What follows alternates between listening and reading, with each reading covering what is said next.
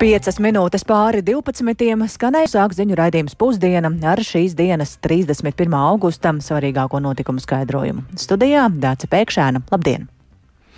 Un sākam ar jauno mācību gadu, kas sākas jau rīt. Latviešu valodas skolotāju trūkums ir tas, kas satrauc mazākuma tautību skolas, kurām jaunais mācību gads nozīmē arī to, ka no septembra pirmsskolā 1., 4. un 7. klasē mācību procesu turpmāk jāorganizē tikai valsts valodā. Skolu direktori uzsver to, ka bez tehniskas pārejas uz mācībām valsts valodām skolām arī ir jānodrošina latviska vide iestādē, un tam ir vajadzīgs vairāk latviešu valodas skolotāju un pedagoģu palīgu.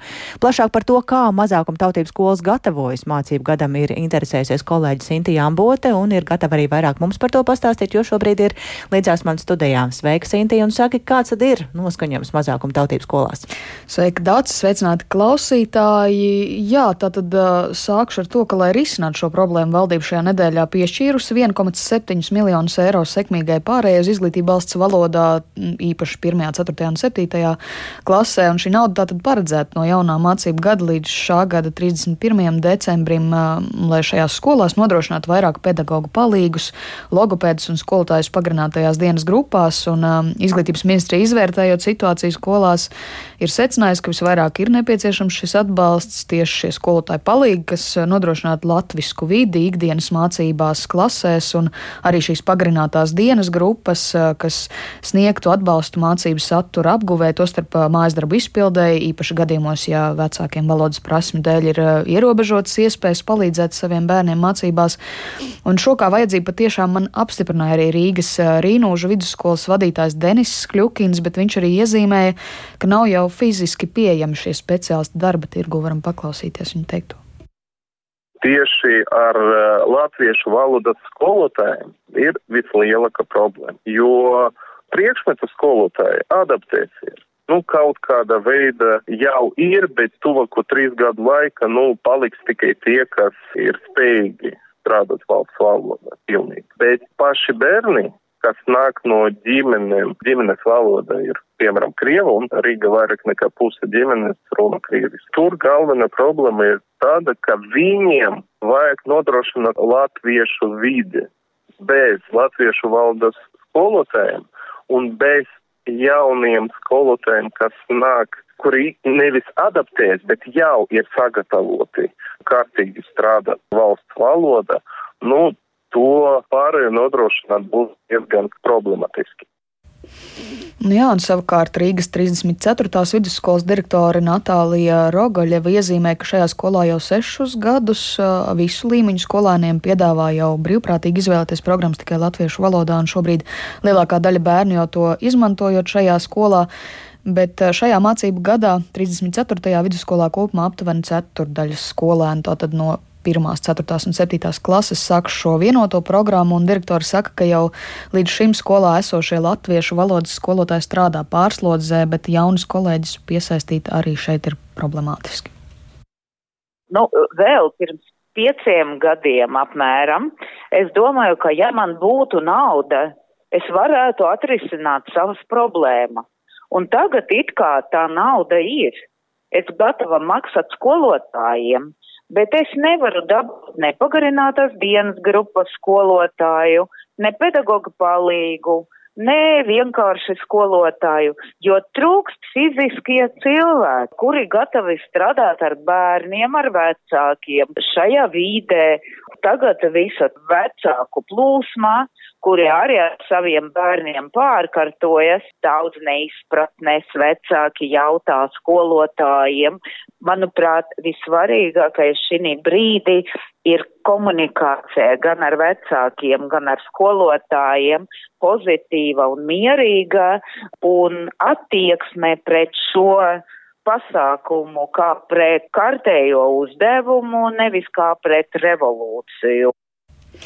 Rogaļova vēl sacīja, ka skolotāji rindas sarakušas arī tādēļ, ka joprojām ir pedagogi, kas nav pārliecināti par savām spējām mācīt savu priekšmetu latviski, un šogad no šīs skolas aizgājuši pieci skolotāji. Bet vēl turpinot par šo pārēju kopumā valstī, tad iepriekš arī izskanējis, ka neskatoties uz to, ka klāt ir jaunais mācību gads, daļa solīto mācību līdzekļu, kas vajadzīgi skolotāju un skolēnu atbalstam vēl ir drukāšanas procesā, taču manis izvaicātie šie direktori saka, ka tas gan nerada būtiskas problēmas. Šobrīd tikai mazākumtautības skolu skolotājiem jāiemācās no šī jaunā klāsta izvēlēties piemērotāko.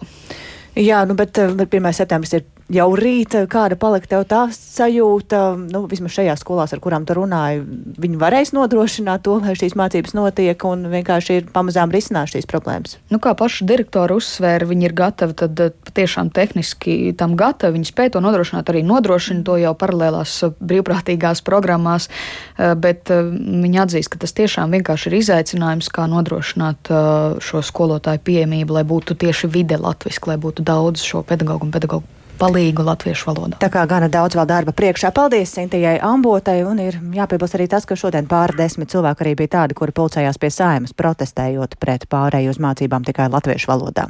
Savukārt, runājot par interešu izglītību, tad bērnu un jauniešu sporta izglītība Daugopilī kļūs gandrīz par pusi dārgāk. Pašvaldībā to skaidro ar nepieciešamību saglabāt programmu kvalitāti šajā laikā, kad izmaksas visam aug. Tikmēr opozīcija ir satraukta, ka šāds solis var arī mazināt bērnu skaitu, kas vēlas šīs nodarbības apmeklēt, un vairāk par to stāstīsim raidījumā pēcpusdienā. Bet um, Iestiepties garumā draud valdības veidošanas process. Pēc nepilnas stundas jāsāks premjera amata, no, amatam nominētās Evikas Siliņas rosinātajām valdības veidošanas sarunām, uz kurām viņi ir aicinājis jaunās vienotības, zaļo un zemnieku savienības apvienotā sarakstu un progresīvo pārstāvis, taču apvienotais saraksts jau ir paziņojis, ka uz tām nedosies. Par tālāko rīcību partijas vēlāk pēcpusdienā plānos spriest neformālās sarunās un, kā ir izteicies apvienotā saraksta saimnes frakcijas priekšsēdētājs Edgars Tavars, tad šī iemesla dēļ arī varētu tikt atcelta partiju oficiālā tikšanās. Taču, kā šorīt programmā labrīt kolēģiem Dairai Zīlai un Kristapam Feldmanim sacīja sēmas deputāts Igors Rājevs, tad partija šobrīd arī rēķinoties ar to, ka tā varētu nebūt valdībā. Mēs gribam, lai tā valdība izveidotos spēcīga un spējīga darboties un nostrādāt līdz um, šīs saimas termiņa beigām. Un tāpēc arī mēs nācām ar tiem piedāvājumiem uh, jaunai vienotībai, ar ierobežojumiem gan jau tas pats Lemberga jautājums, gan arī sadarbības principiem, uz kuriem mēs varētu veidot šo valdību.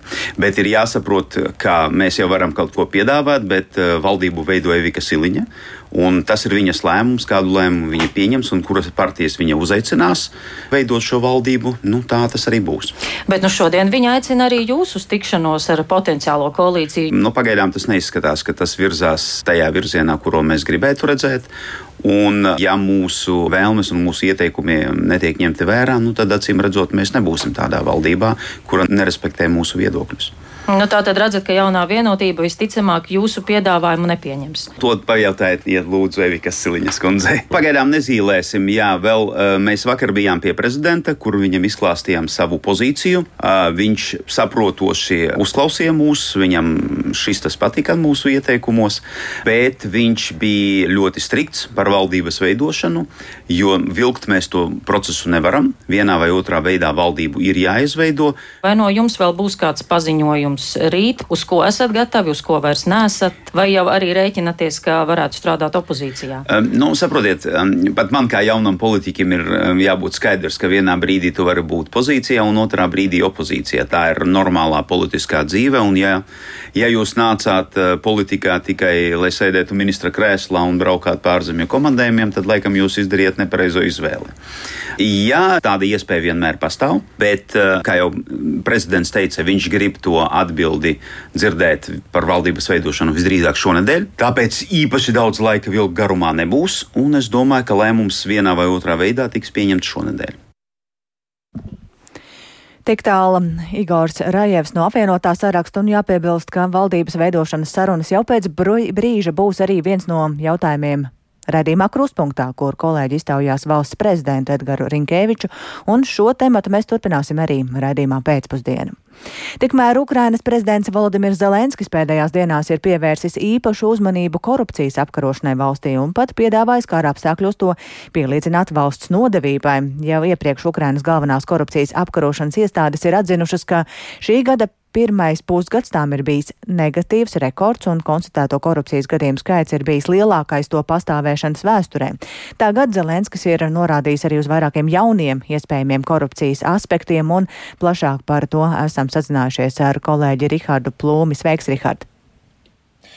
Jā, labdien! Nu, par uh, korupciju tiešām esam uh, vēstījuši vairāk kārt, un par korupciju atbildīgās iestādes pēdējā laikā ir sasparojušās, kas Nu, varētu būt saistīts ar to, ka, piemēram, Ukrainai nepieciešami visi finanšu resursi, kas vien ir iespējami, un katra nauda, kas paiet, tā teikt, gar degunu, var maksāt dārgi, un uh, arī varbūt, uh, ja tā var teikt, nenonākt līdz frontei tādā vai citādā palīdzības uh, veidolā. Tāpat arī reformas korupcijas apkarošanā ir būtisks noteikums, lai tuvinātos Eiropas Savienībai. Un, lai gan daudzi ukrāņi ir gatavi aizstāvēt savu valsti un pievienojas armijai, tomēr ne visi to dara. Gan daudz ir tādu, kas arī cenšas dažādos veidos izvairīties no iesaukšanas, nodošanās frontē.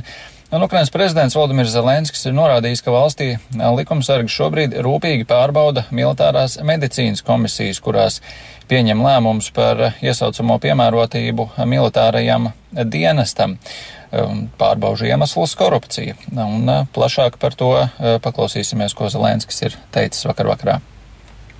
Потрібно перевірити значний масив рішень ВЛК щодо інвалідності та ir nepieciešams pārbaudīt ievērojumu skaitu militāro medicīnisko komisiju lēmumu par invaliditāti un nepiemērotību militārajam dienestam, kas pieņemti pēc 24. februāra. Šodien Nacionālās drošības un aizsardzības padomē tika prezentēta attiecīgā statistika. Ir piemēri par apgabaliem, kur kopš pagājušā gada februāra komisijas lēmuma dēļ no militārā reģistra izņemto cilvēku skaits ir pieaudzis desmitkārtīgi. Ir pilnīgi skaidrs, kas tie par lēmumiem - koruptīvi lēmumi. Korumpovani riši. Izmeklēšana vēl turpinās, drīzumā tā varētu būt eh, pabeigta, taču dažus secinājumus jau varot izdarīt, eh, norādīja prezidents un ir iegūti pierādījumi, ka, lai netiktu ņemti, eh, ņemtas armijā, personas medicīnas komisijas pārstāvjiem ir devušas kukuļus no 3 līdz 15 tūkstošu dolāru apmērā. Atsevišķi tikšot analizēts arī to personu saraksts, kuras devušās uz ārzemēm, proti devušas kukuli un pēc tam pametušas valsti. Runa esot par tūkstošiem šādu cilvēku. Tiek norādīts, ka pie atbildības tiks sauktas tātad gan lēmumu pieņēmušās amatpersonas, gan tie, kas kukuļus devuši. Tātad starp tiem vairākiem miljoniem, kas Ukrainu jau kopš plaša mēroga iebrukuma ir pametušu, pametuši. Daļa ir tādi, kas nevis bēg no kara, bet bēg no savas zemes aizstāvēšanas, ja tā varētu teikt. Tas, tas kas šobrīd zināms par šo jauno korupcijas aspektu, tuvākajās dienās iespējams jau zināsim plašākas detaļas par šī te, šīs te korupcijas apmēriem konkrēti militārās medicīnas komisijas iestādēs dažādos Ukrainas apgabalos. Dace? Jā, paldies Rihardam Plūmēm par šo informāciju. Un, ja atgriežamies pašmājās, tad labas ziņas varētu saņemt aptuveni 85 tūkstoši nodokļu maksātāju, kuriem ir izveidojusies pārmaksa, bet nav iesniegta nodokļu deklarācija. Turpmāk, ja nav čeku par attaisnotajiem izdevumiem, nodokļu pārmaksu varēs saņemt arī neiesniedzot deklarāciju. Paziņojums papīra formā saņems arī tie iedzīvotāji, kuri nav EDS lietotāji. Un vairāk par jauno kārtību un kādēļ var veidoties pārmaksa šorīt kolēģei Dairai Zīlē raidījumā labrīt sacīja valsts ieņēmuma dienesta vadītāja Ieva Jaunzeme un paklausīsimies fragmentu. Tā varētu būt izveidojusies dažādu iemeslu pēc, bet parasti vai nu darba devējs nav piemērojis neapliekamo minimumu, vai nav piemērots pensionāra neapliekamais minimums. Iespējams, ka nav bijuši uzrādīti visi apgādājumi, vai arī ir veikts iemaksas privātajos pensiju fondos. Tad faktiski tie ir virkne izdevumu, kurus var konstatēt mūsu datubāzēs un kādi būtu pienākušies cilvēkam. Un, eh, ja persona nav bijusi starp tām vairāk kā miljonu, kas iesniegušas eh, gada ienākumu deklarāciju, mūsu pienākums un vēlme ir atgriezt šo naudu cilvēkiem. Un vienīgais, kas šobrīd ir nepieciešams, ir ieiet elektroniskā deklarēšanas sistēmā pēc tam, kad esat saņēmuši mūsu aicinājumu, nekādi ne savādāk, tikai pēc mūsu aicinājuma, kur jūs saņemat to e-pastu, ko esat norādījis. Un tad jūs burtiski 5-7 minūšu laikā ieejot ierakstiet iesniegumā, kas arī ir jau sagatavota forma, konta numuru vairāk, neko mēs neprasām. Un tad līdz gada beigām šī pārmaksa tiks ieskaitīta jūsu kontā. Jāsaka tā, ka tas būs arī uz nākošiem gadiem. Bet, protams, tas netraucē jums iesniegt arī čekus, jo šobrīd tādi ir jūsu rīcībā.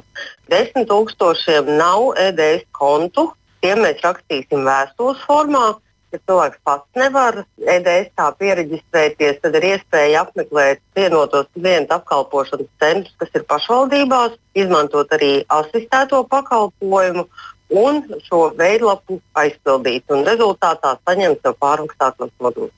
Kādēļ vispār šādas izmaiņas ieviesāt? Jau tagad daudzas lietas notiek automātiski. Un mūsu varēšana un analītiskās spējas mūsu sistēmās ar vienu uzlabojās. Mēs ļoti ceram uz nākamo soli, ka visi čeki un viņi atnāks pie mums tikai elektroniski, un mēs vispār varēsim katrai personai ģenerēt šīs priekšaizpildītās gada deklarācijas. Šobrīd to kavē, ka nav visi dokumenti elektroniski. Zinām, ka ir e-kvītis, bet pieņemsim par bērnu izglītības pakalpojumu jau nav labā ziņa, ka universitātes jau dod elektroniski. Tad tajā brīdī, kad visi būs gatavi iedot mums elektroniski, mēs būsim gatavi ģenerēt katram deklarāciju arī bez ieiešanas sistēmā. Bet šobrīd mēs izmantojam to informāciju, kas ir mūsu rīcībā. Viņas ir pietiekami, un mūsu spējas ir viņu apstrādāt ātri un arī atvieglot dzīvi.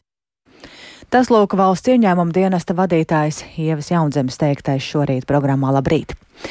Bet ir noslēdzies atklāts konkurss uz Stradiņas slimnīcas neatliekamās medicīnas centra vadītāja amatu un atlases komisija pār konkursu uzvarētāju vienbalsīgi ir atzinusi Roberta Fūrmanu. Centra vadītājs tiek iecelts amatā uz pieciem gadiem, un šobrīd Roberts Fūrmanis arī pie mūsu telefona klausos. Labdien! Labdien! Vispirms sveiciens jaunajā amatā, un kas ir tās pirmās lietas, kuras esat iecerējis paveikt? Um, nu, paldies par, par, par vēlējumiem. Uh, nu, Mm, Vispirmkārt, jau turpināt uh, to pašu virzienu, kurā šobrīd dodas neatliekamās medicīnas centrs. Uh, es jau šajā struktūrvienībā esmu darbojies arī iepriekš kā centra vadītāja vietnieks. Uh, ir dažādas iestrādes, labas iestrādes, kuras mēs esam uzsākuši veikt un kuras noteikti arī uh, tiks turpināts. Uh, kā viena no svarīgākajām lietām, protams, nu, kā tas ir visur veselības aprūpē, ir izsnākt cilvēku resursu piesaisti. Uh, bet nu, es gribu vērst uzmanību uz to, ka mūsu centrā uh, pēdējā pusgada laikā uh, pieņemto un atbrīvoto darbinieku um, attiecības ir par labu pieņemtiem darbiniekiem, respektīvi par sešiem darbiniekiem ir pieņemts vairāk nekā atbrīvots.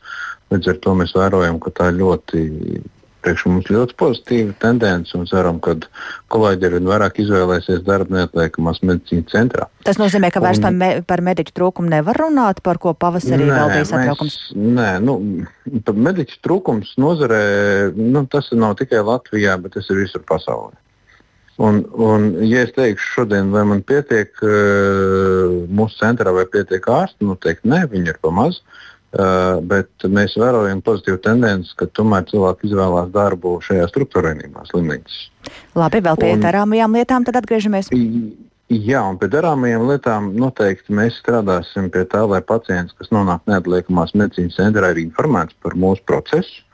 Kāpēc tas process aizņem noteiktu laiku, skaidrot, kādas ir pacientu prioritātes, kā mēs, šie, kā mēs šīs prioritātes ievērojam. Uh, kāds ir ārstēšanas ātrums un arī skaidrosim apstākļus, kāpēc iespējams tās, tas process uh, mūsu centrā kādam šķiet ilgāks nekā bija viņa gaidas.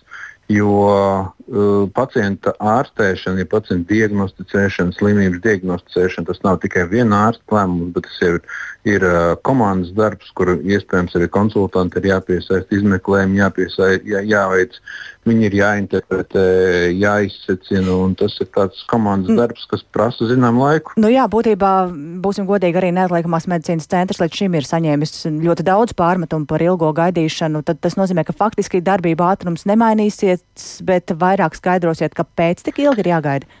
Nu, mums darbība ātrum, mūsu darbības ātrumu nosaka pacientu veselības, slimības smaguma pakāpe. Un jo jo, jo uh, pacienta stāvoklis ir smagāks, viņš nonāk intensīvās terapijas palātā, kur, kur tā ārstēšana ir intensīva. Uh, mums ir definēts, cik ātri pie konkrētām situācijām ārstam ir jāveic primāra apskate, un tas arī tika ievērots.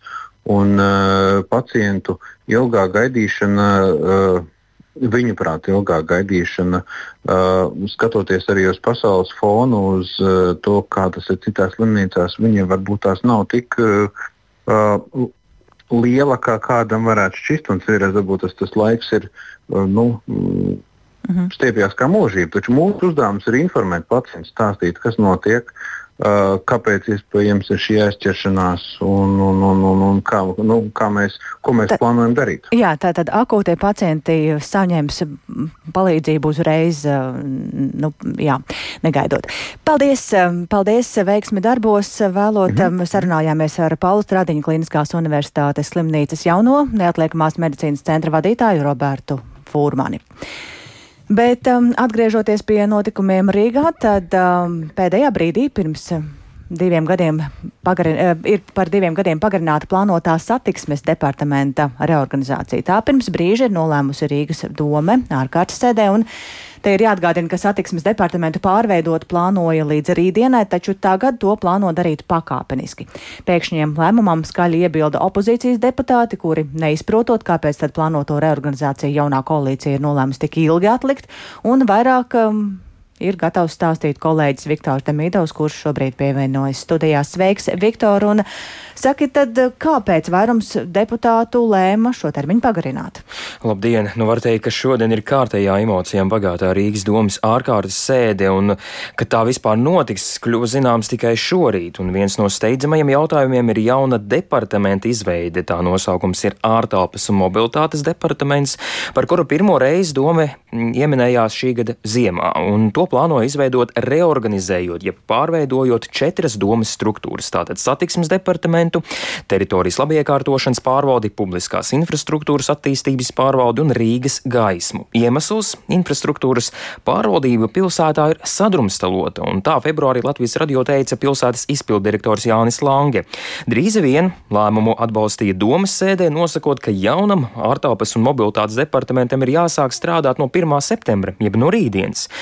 Bet līdz pat augusta beigām par to, ka, not, ka notiek kaut kāda izveide, nu nekas nebija dzirdams. Un līdz pagājušajā nedēļā domas atbildīgajā komitejas sēdē Deputāti nolēma, ka tā reorganizācija notiks pakāpeniski, un nākamā gada martā tātad satiksmes departamentam pievienojot tikai Rīgas gaismu, bet visu pārveidīt pabeigs tikai 2025. gada 1. septembrī.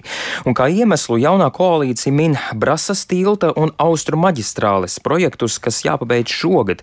Nu, it kā par to neviens nezinātu, jā, it kā tas šie projekti pēkšņi parādītos. Un eh, riskanti ieviest šīs korekcijas uh, departamentos un tā šodien eh, pieņemot lēmumu, teica Rīgas mērs Vilnis Čiris no jaunās vienotības.